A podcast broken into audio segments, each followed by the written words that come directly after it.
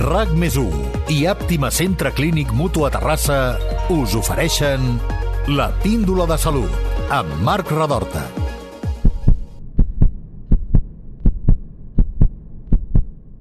En 5 anys, més de la meitat de la població mundial pesarà més del que li tocaria.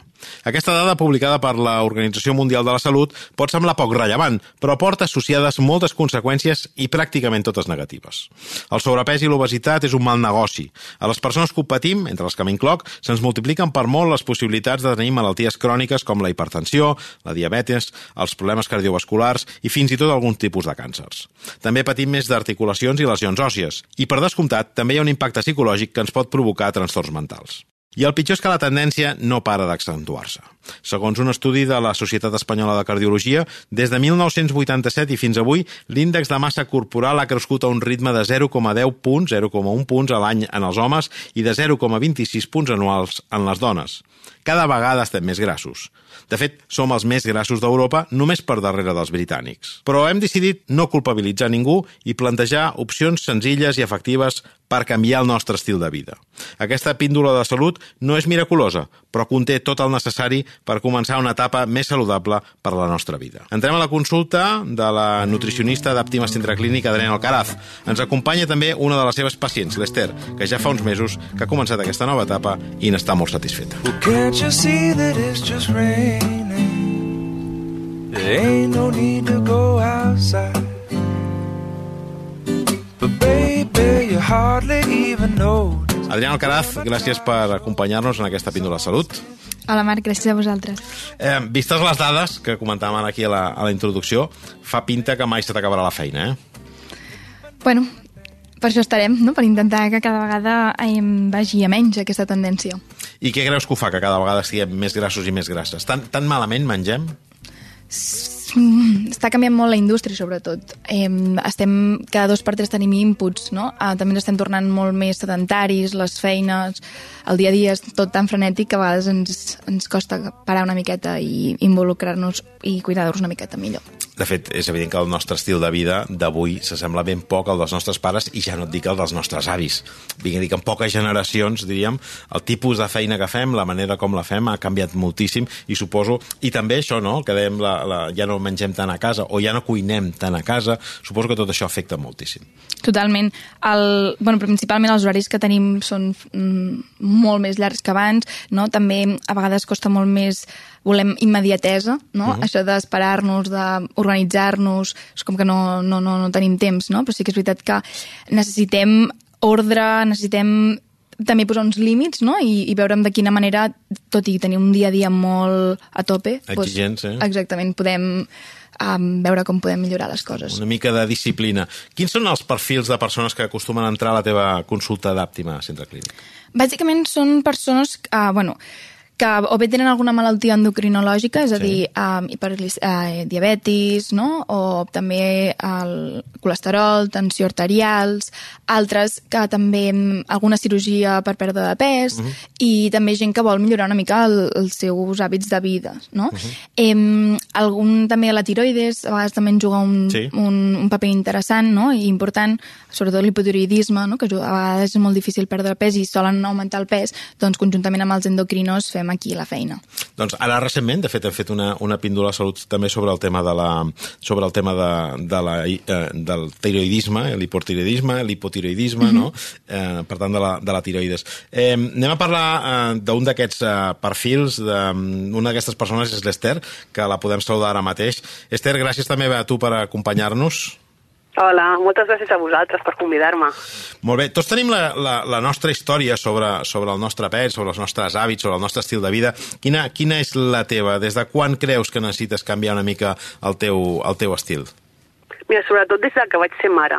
El primer cop encara, però quan vaig ser mare per segona vegada i última, ja va ser horrorós. El cos va canviar i va dir això d'aprimar-se no serà tan fàcil. perquè, perquè eh, vaig més endarrere. Tu, durant la teva adolescència, havies, eh, des del punt de vista de, de, del creixement normal, havies tingut un, un, un, un, més o menys uns, uns hàbits eh, més o menys saludables, un cos més o menys normal, o no? Sí, sí, però a més menjava de tot i no m'engreixava, uh -huh. i era com una meravella. Uh -huh. Després sí que és veritat que va venir la menstruació i Sí. aquí ja deies, ui, a cuidar-se. Uh -huh. Però bé, anava fent i bé, la veritat, no em podia queixar. Però al ser mare ja que ja va ser... I amb, i amb, el, primer, amb el primer embaràs no, no vas notar un impacte tan gran? No tant, perquè anava baixant pes i deies, ah, vale, mira, faig bondat i anava perdent pes, però amb el segon va ser horrorós. A- Aquest fenomen és, és, mm, eh, és, Adriana, és relativament freqüent? Sí, totalment, bueno, més que res perquè a part de que el cos um, canvia molt, no?, el portar un nen a aquí al món, també a nivell hormonal, no?, el tornar a on estàvem abans la guanyança de pes durant l'embaràs és totalment normal, no? Mm. però sí que és d'intentar doncs, que aquest mm, guanyança ponderal doncs, sigui l'adequada, no? tampoc no passar-nos molt, eh, perquè després ens, és difícil, no? i hem Clar. de tornar més o menys a la normalitat. I mm, és per això que és important el que es diu col·loquialment, no? És que ara estàs embarassada de menjar per dos. No, anem a veure com ho fem i, i fer-ho com amb, amb sentit, no, tot? I, I diuen també allò, no?, que passa nou mesos al cos desmadrant-se, no?, preparant-se per parir, i que després necessites ben bé nou mesos més per tornar-se a posar, per posar-se a lloc, no? Sí, una cosa que ajuda molt també és la lactància materna. Sí. Les persones que fan lactància materna ajuda molt en el, el tema de més hormonal, Mhm. de tornar-ho tot una mica al lloc, no? I també ajuda pues, a que l'úter es retregui i això també fa que la, la distensió abdominal vagi Mhm. a menys. Eh, també és veritat que un cop tens el fill ja no dorms tant, tens més responsabilitats... Què no- dius ara? Què dius? Clar. No, ja ho sé, ja ho sé per experiència, eh? I això no, també no, és no dorm difícil. ningú aquí. La dona ni l'home. Uh, què us anava a dir? Um, Esther, um, Digue'm. quan fa que vas tenir la segona criatura? Uf, ja fa molt, Ja 11 fa anys. Molt, 11 anys.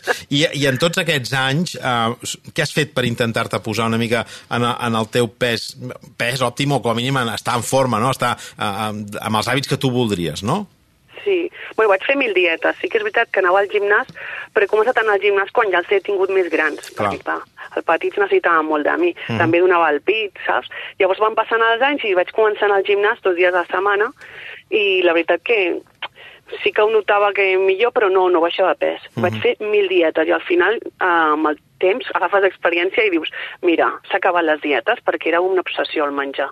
Dic, vull aprendre a menjar bé i s'ha acabat. Mm. És, és el que millor, perquè si no, és que vius només en pensar en menjar i arriba un punt que dius, és que has de viure també, no obsessionar-te tant amb la, si la panxa, si no sé què, era horrorós. Mm -hmm. uh, ara parlarem d'aquests hàbits saludables, però deixa'm abans preguntar-li a l'Adriana, um, perquè és que de manera cíclica van apareixent tot tipus de dietes, i ja no dic des de, la, des de que tenim Instagram, diríem, instal·lat en el mòbil, no? La keto, el desdejuni, la DASH, la detox... Sembla com que cada any s'hagi de posar de moda una dieta. Quin, quin cas els hem de fer? Com, com, com hem d'afrontar això? És recomanable seguir aquestes, aquestes dietes que, en fi, en el fons no venen prescrites segurament per, per cap expert, no? La, la pregunta que ens hem de fer és amb quin objectiu fem aquesta dieta. Correcte. No? Eh, si el nostre, per exemple, hi ha dietes que sí que estan indicades. Um, si tens una intolerància, doncs, òbviament, tindràs que seguir unes pautes o clar. unes al·lèrgies, no? Um, o tens algun problema, per exemple, un, una insuficiència renal, després sí que hauríem de controlar-lo una miqueta més. Però si el nostre objectiu és millorar els hàbits, perdre pes, perquè sempre que diem millorar hàbits ve implícit ja la Sí, sí, sí, pèrdua de pes, no? en el cas que tinguem a una mica d'accés. Em, la dieta que més està estudiada i la que la ciència diu que és la que ens ajuda més a, no només a reduir el pes, sinó a les comorbilitats que porta, és a dir, la hipertensió, el, la, el, la dislipèmia, que vol dir pues, el colesterol, no? és la dieta mediterrània. També és veritat que és la que tenim més a l'abast. Mm. Sent Espanya eh, un, el país més, un dels més mediterranis del món, no hem d'anar a buscar la dieta perfecta o la dieta que han inventat aquí els americans eh, per fer-la. No, no és la que tenim a casa. Aquesta Sí. és la bona. La tenim a, l'abast, tenim oli d'oliva, tenim fruita, tenim verdura, tenim llegums frescos. Aquí és on hem d'anar. Uh -huh. eh, tu ens comentaves, eh, Esther, que les havies fet totes, que arriba un moment en què dius prou, el que necessito és potser canviar el xip, no? canviar la manera d'enfocar això, eh, i arribes a la consulta de l'Adriana Alcaraz. És a dir, aquest canvi de xip el vas fer abans d'arribar a la consulta o després de passar per la consulta? No, ja la- l'havia començat a fer amb els esmorzars. Correcte. però em faltava el sopar, perquè, clar, amb els nens, amunt, avall, que si el hockey, que si extraescolars, i al final sopava qualsevol cosa. Correcte. I no, no pot ser. I tu, tu entres a la consulta i què li planteges? Què és, el, què és el que li demanes? Què és el primer que li dius? bueno, primer de tot, que volia aprendre a menjar, a sopar, i que, sobretot, que no em passés, de, o sigui, que no volia veure el pes. Vale? que em passés d'esquenes, perquè si no ja començava, ai, que ara perdo 100 grams, ai, ara guanyo un quilo, ara no em menjo això, i deia, mira, Adriana, el que vulguis, però no m'ensenyis el pes. Apunta si vols, però no vull veure-ho. Això, eh, clar, això entenc un dels aspectes que, que sempre passa quan afrontem un procés d'aquests de, de canvi d'hàbits i d'intentar perdre pes és aquest sentiment de culpa que ens, que ens arrossega eh, i que vas una mica aquest humilint no? davant del metge i que, que potser això ens ho podríem estalviar, no? Totalment. Bueno, ara ja el, el, la corrent de la gordofòbia també està anant, uh -huh. és un tema molt, molt hot topic, no?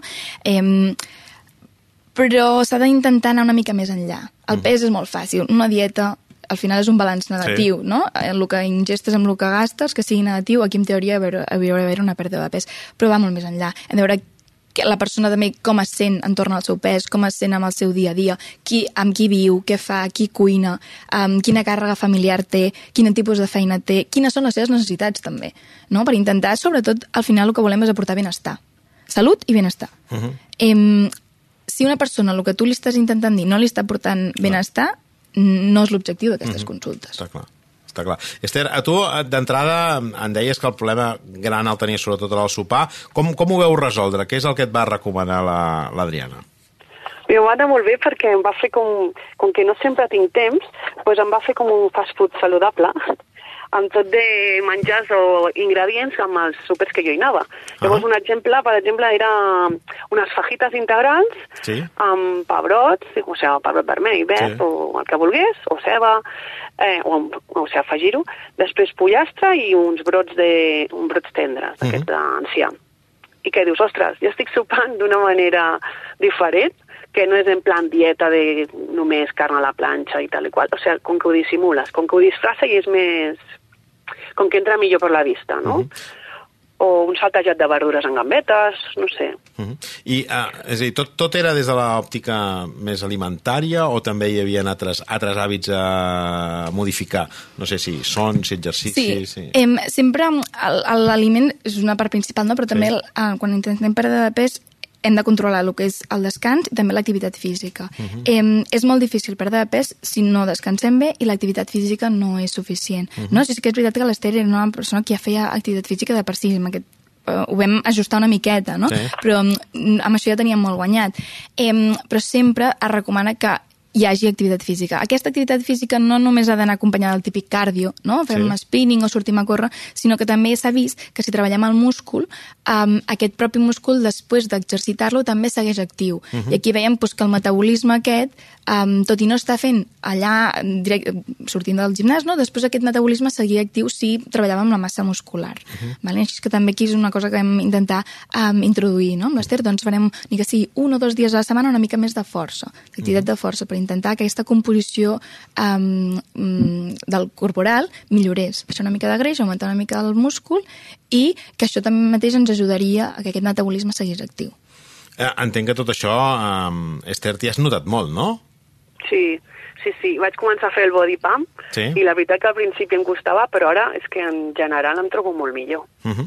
I, I m'ha uh, ajudat. Clar, clar. Mm. clar, eh, jo que en línies generals, jo crec que la majoria de gent ja sap què pot menjar i què no pot menjar per perdre pes, si l'objectiu és aquest, eh?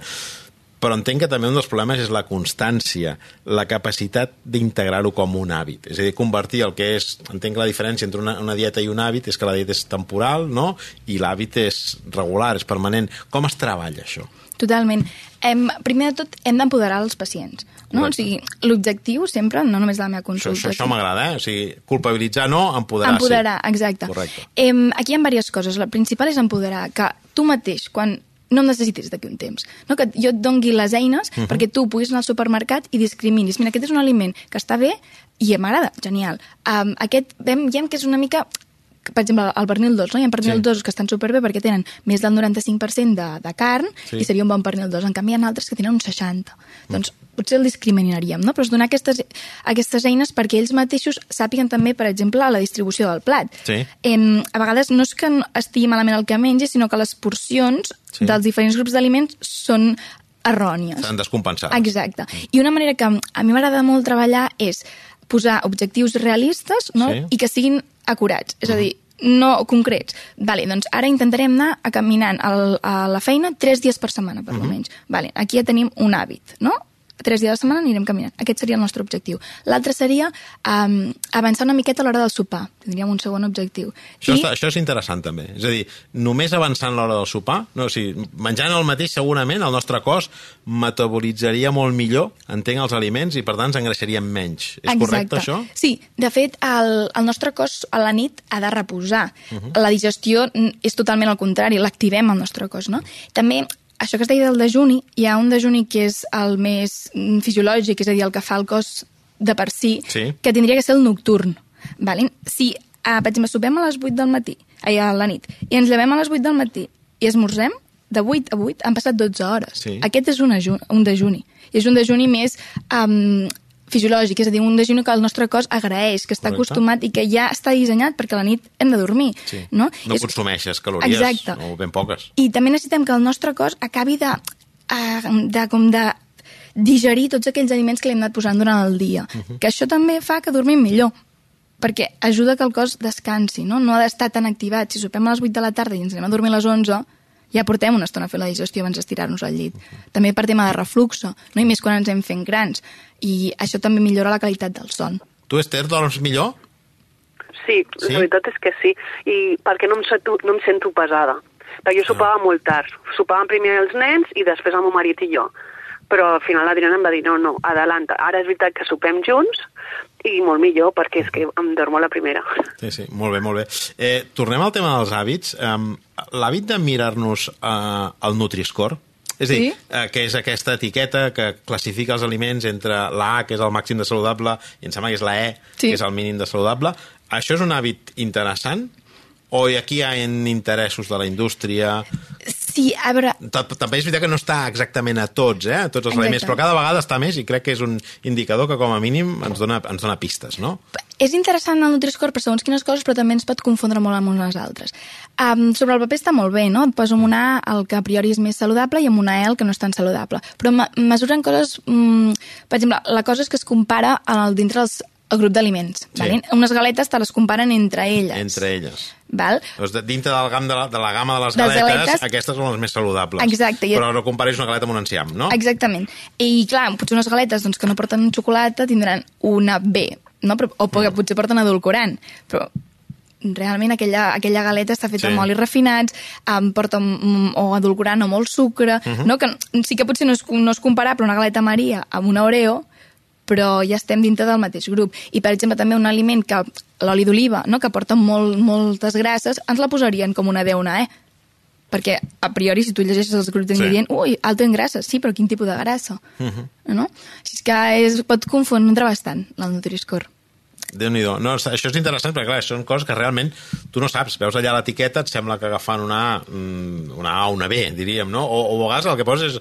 poses jo, jo ara parlo per mi, eh? Però el que posem és un límit per sota. És a dir, el que passi de C no ho agafem, Sí. saps què vull dir? La D i la E ens les estalviem. Llavors, com a mínim, és, és una, primera orient, una primera orientació, però està bé que aquest aclariment sobre, sobre com es comparen no? Aquestes, aquests indicadors. Eh, darrerament també han aparegut notícies sobre medicaments orientats a combatre l'obesitat, que no el sobrepès, estem Mhm, parlant de exactament. l'obesitat, que semblen molt efectius i molt cars, tot sigui Sí. dit. Um, creus que uh, poden ser una solució a mig o llarg termini? Aquests fàrmacs ens poden ajudar en segons quin casos, Mhm. vale? però sempre han d'anar um, supervisats per un endocrino, Correcte. és a dir, per un especialista en metabolisme, que són els endocrinos. Mhm. No? Um, són fàrmacs que no estan aprovats, o sigui, que no estan subvencionats per la Seguretat Social, Mhm. només en casos molt, molt, molt, molt, molt, molt puntuals, i que a part, doncs, són cars. Hem de mirar Mhm. primerament si els necessitem o no. Vale? I també entendre que no, per si sols no, no ens funcionaran, perquè no podem estar tota la vida prenent Clar. aquest fàrmac. No? Eh, sí que a nivell més puntual, en alguns casos, ens pot ajudar a perdre una mica més de pes, no? perquè el que fan és aquesta sacietat ens l'augmenten, eh, però al final és un fàrmac, no és inocu. No? I també s'ha vist que la gent que sí, s'ha començat a prendre, per exemple, l'Ozempic, no? que és un d'ells, que és això, un anàleg de la GLP-1, que es diu, um, que ha començat a perdre pes, però després del que li treies, o a la que ja no podies pujar més la dosis, venia el repunte. Uh -huh. Vale? Um, clar, aquí és molt bé, doncs, potser durant un temps, al teu cas, el necessites a l'O- al- a l'Ozempic, però després què? O sigui, ha d'anar conjuntament amb estil de vida, si no Sí, sí. és impossible. De, de fet, et volia preguntar això, és a dir, mentre, mentre aquests medicaments no arriben, o inclús ara que ja comencen a arribar, quines són aquelles tres coses bàsiques que podríem fer per tenir una vida més saludable i per extensió, com deies abans, també aconseguir aquesta pèrdua de pes. Incloure. Primer, sempre, sempre, sempre incloure. Hem d'incloure vegetals tant al dinar com al sopar. Te n'he posat tres, però si em vols dir cinc, digue'm en cinc, eh? Et vinc a dir que no ens, no ens quedem coses a dintre, val? Valin. Però Sí, no, però Tornem, comencem. Vale, tres, ah, bueno, algunes Tres coses. coses. Vale. Eh, la primera seria incloure Correcte. vegetals, Sí. tant al dinar com al sopar. Uh -huh. A la quantitat és igual, Sí. però han de ser els predominants del plat. Uh -huh. vale? eh, quan refereixo que la quantitat és igual, és que si un dia ens passem de vegetals, no et No pots passa passar de vegetal. Vale. Vale? Eh, ja sigui amanides. Uh, sí que sigui cru o bullit, o... Cru, això, és, bullit. això, això és igual, eh? És més... Sí, l'ideal és anar alternant. Ahà. I mm, si a la nit et sents pesat, doncs millor posar el cru al migdia, perquè Val. Mhm. és més indigest, no? Però és que hi hagi alguna de vegetal, tant al dinar com al sopar, ja sigui amb un puré, amb saltejat, al forn, unes amanides, un gazpacho, el que vulguis de vegetal, però ha de ser el predominant del plat. Per tant, al súper, directament a la secció de la verdura, Sempre, i a casa. allà, eh, sense problema, que, gastar. que no tenim temps a fer una verdura, doncs la comprem congelada. Llegim els ingredients. Si so, tots són verdures, Sí. és una bona opció. Correcte. Vale? Mm. El que passa és que llavors és sempre millor bullir-la, no? O la podem passar per la paella. pa... Sí, no hi ha massa problema, amb poc oli o pràcticament... Exacte. Saps? Tenir una bona paella Sí. que no se'ns enganxi i ja està. Molt bé. Sí, sí, i tant. Després, l'altra seria que la fruita és una molt, molt bona Aquí la aliada. fruita, per això, hi ha debats. És a dir, perquè primer ens deien que havíem de menjar molta fruita, eh, que són 5 peces al dia o no sé quantos, després resulta que no tanta, després resulta que hi ha, hi ha fruites molt bones i fruites que no ho són tant, que tenen molt de sucre. A la fruita, per general, li direm que sí. Sí, Em, sense cap problema, dos, tres peces de fruita és el que recomanen la, les entitats reguladores, no? Em, dos, tres peces de fruita. Sí que és veritat que si tenim a l'alça el nostre sucre amb sang, que són els diabètics, se'ls recomana que la, aquesta tercera fruita no sigui després de sopar, sinó que a la nit sigui més un làctic, pel tema del sucre. vale. Però, si, però si estem bé de sucre, jo podria sopar dos peces de fruita? I no, no, no això no és recomanable. No, tampoc. perquè- O sigui, no, no, no substitueix, diríem, un, un No, no àpat, substitueix un àpat. És o un postre, o un mig matí, Val. o un mitja tarda. Però sopar només fruita no, és un sopar. Això no, això no... El plat tindria que haver-hi. És el Sí. plat de Harvard, eh? el Sí. plat saludable. La meitat... De Harvard, has dit? Sí, Ah, a Harvard. Harvard va a dissenyar Harvard un plat. mengen, mengen això, eh? Aquest era el que van estudiar. Aquest és el i que van dir- estudiar. Val, val, sí. no, no, està bé, està bé. Eh, que era, la, si tu fes un plat únic, la meitat que fos vegetals, Sí. crus, um, cuits en forma és sí. igual, una quart de proteïna, que Sí. vol dir peix, ous, llegums, carn blanca, Correcte. i després un quart de carbohidrats, Mhm. que vol dir patata, pasta, arròs, pa. La quantitat de la proteïna i els carbohidrats els ajustarem segons les necessitats de la persona. Mhm. Vale? És a dir, aquests tres aliments tindrien que anar tant al dinar com al sopar. Mhm. En pèrdues de pes, els carbohidrats a la nit els posem en menys quantitat. Mhm. Augmentem una mica més els vegetals i la proteïna. Val, per tant, tenim eh, la verdura i la fruita queda clar, el disseny més o menys del plat ens ha quedat clar, què més hauríem de fer? I ens has dit també el tema d'avançar l'hora tant com puguem del sop... tant com puguem, uh -huh. no és raonable, però tinc a dir que avancem la- l'hora del sopar, és una altra cosa interessant, o sigui, el, els horaris, diríem, en els que mengem, quins haurien de ser els, els horaris òptims, diríem, per, des d'un punt de vista de rendiment de, de la ingesta? Això de menjar cinc cops al dia o tres és, depèn no? de una mica de les nostres, del, del, del nostre horari. Però sí que és important no arribar afamats a la pròxima ingesta. Val. No? Per exemple, si nosaltres sabíem que al mig, a la, després de dinar a la mitja tarda teníem molta gana i sopàvem molt més tard, em, aquí podem avançar l'hora del dinar, eh, del sopar, perdó. I serem unes 12, avancem l'hora del sopar, uh Mhm. -huh. no berenarem tant, i després ens anirem a dormir amb l'estómac més ple. Perfecte. Vale? Perfecte. Aquestes 12 hores de dejú um, durant la nit són molt recomanables. I entenc que ens quedaria la part d'exercici físic i el Exacte, descans, no? Exactament. L'exercici físic, intentar posar metes molt assolibles, Sí. no? I també veure quin és el nostre estat físic. Si nosaltres ara mai hem fet esport, doncs no començarem anant a córrer la cinta a lo boig, Mhm. no? Sinó, si necessitem una mica d'acompanyament, doncs, com- acompanyament. Però sí que és veritat que per almenys dos, tres dies a la setmana hauríem de fer activitat física. I allò de les 10.000 passes al dia, no? També que et recomana l'OMS. Sí, està molt bé, el de les 10.000 passes. um, no sempre podem, però sí que és veritat que el caminar és... No, o sigui, no és suficient només caminar, però ajuda. Correcte. Vale. Mhm. Molt bé.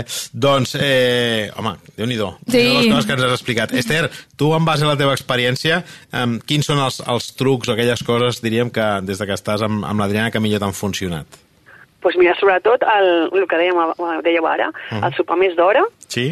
Després també em vaig treure l'entrepà del matí de l'esmorzar, que era com un costum de fa molts anys, de fer un bocata, i ara ja no. I ara què fas? un- Cereals o- ho preparo la nit, eh, per això. I la veritat que m'omple. És un pot d'aquests de vidre, típic Sí. de, on hi havia marmelada, Sí. doncs hi poso un iogurt, a mi m'agrada de cabra, però Sí. bueno, això cadascú. Després, llavors de chia, i fruita, la que més m'agrada, pues, o kiwi groc, o navius, llavors li poso una mica de canyella i una mica de llet de... A mi m'agrada de... Bueno, llet, és beguda vegetal d'ametlla, Mhm. perquè així hidrata la chia, Clar. perquè, vulguis o no, sempre també hi ha problemes per anar al bany, llavors la Sí, chia sí. t'ajuda. Això, això ho fan a casa meva, però al vespre. El, el, la A, chia. la- a la, no, sí, això, això, el mejunje aquest que Ah, se'ns sí? està explicant la- l'Ester, diríem, és el que, és, és el que se sopen a casa, algú sopa a casa. Sí. Bueno. Si està bé per sopar, també? Es pot fer tant per esmorzar com per sopar? O, o seria millor per esmorzar? A veure, la chia és, és, és, eh, la chia també és, és energètica, no? Per això en el cas de l'Ester la a posem pel matí. Que substituir l'entrepà per, per, com deia l'Ester, de substituir l'entrepà per això, entenc que és una bona solució, no? Sí. I substituir un sopar per això, no ho és tanta. No, perquè aquí ens estaríem deixant els vegetals. Molt bé, molt bé, seria millor els vegetals. Molt bé. Perdona, eh? Continua, Esther, però és que m'ha vingut No, això al cap. No, no. I després, per exemple, sí que era de menjar un plat... Jo menjo a l'escola, Sí. una escola bressol, i llavors, diguéssim, que en comptes de fer-me el plat de macarrons o d'arròs, doncs faig una manera completa i agafo un grapat de macarrons o d'arròs, i llavors, diguéssim, que així no... Mm, bueno, és cosa meva, no? Però sí que és veritat que feien massa, els plats massa grans de macarrons. I és com una manera d'així de... Em menjo la pasta, però no d'una manera abusiva, saps? Correcte. I aquestes són les coses que millor t'han funcionat. Hi ha alguna altra més que, Sí. que diguessis? Bueno, i el, el cafè, Sí? o, o tant el cafè o cafè amb llet tot tallat, no li poso sucre. Mm. No sé, perquè abans em passava, posava molt sucre. I clar, al final et vas acostumant i dius cada cop més més i dius no, s'ha acabat. Correcte, correcte. Hi ha, hi ha com una, una addicció, eh, amb el, amb el sucre. Total, total. I ara noto més el sabor del cafè, està clar. Sí, sí, està clar, està clar. Um, hem tractat el tema de l'alcohol, que dono per descomptat que porta moltes calories i, i, i, i ben poques coses nutritives. Vinc Sí. a dir, Tot dona la recompensa, però res més, no? No. Des d'un punt de vista eh, nutritiu, diríem, no té cap propietat. No? Res, l'alcohol mai, el- mai, mai el recomanarem, no, no, Mm. no, no, no, no s'ha de beure alcohol per norma general. El que sí que és, una molt bona manera de reduir, a part de que no, toxici, no posem toxicitat Sí, al nostre està cos, que és l'alcohol, també reduïm molt les calories, no? I jo prefereixo que les meves pacients um, beguin menys alcohol i ho facin algo puntual al cap de setmana, Mhm. però entre setmana no. I que, per exemple, no es posin sucre en el, en el, en el cafè cada dia, però si al cap de setmana els hi ve de gust fer-se un, pa, un pa de pessic, se'l puguin fer Correcte. perquè el, el plaer que et dona Mhm. i la consciència que tu estàs tenint d'estar menjant allò que et ve de gust eh, és molt més gratificant que no pas cada dia posar-te una mica de sucre al cafè que Mhm. realment pues, és un canvi que a poc a poc podem anar eh, fent. Eh, és un problema, aquest podcast, perquè li dediquem normalment uns eh, entre 20 i 25 minuts, ja estem en els 25 minuts, ens queden... És que jo crec que podríem estar parlant moltíssimes, moltíssima sí. estona de coses que tenen a veure amb, amb tot això, amb aquest estil de vida saludable. Jo eh, us agraeixo molt a les dues que hagueu volgut compartir aquesta estona, aquests coneixements mèdics i aquesta experiència en primera persona. Eh, a tu, Adriana, nutricionista d'Àptima Centre Clínic, gràcies per acompanyar-nos i també gràcies a tu, Esther, per explicar-nos això, no?, en primera persona la teva experiència i com, i com ho has viscut. Sí, moltes de res. Gràcies per convidar-me. Doncs fins a la propera a les dues. Moltes gràcies, adeu. Gràcies, adéu.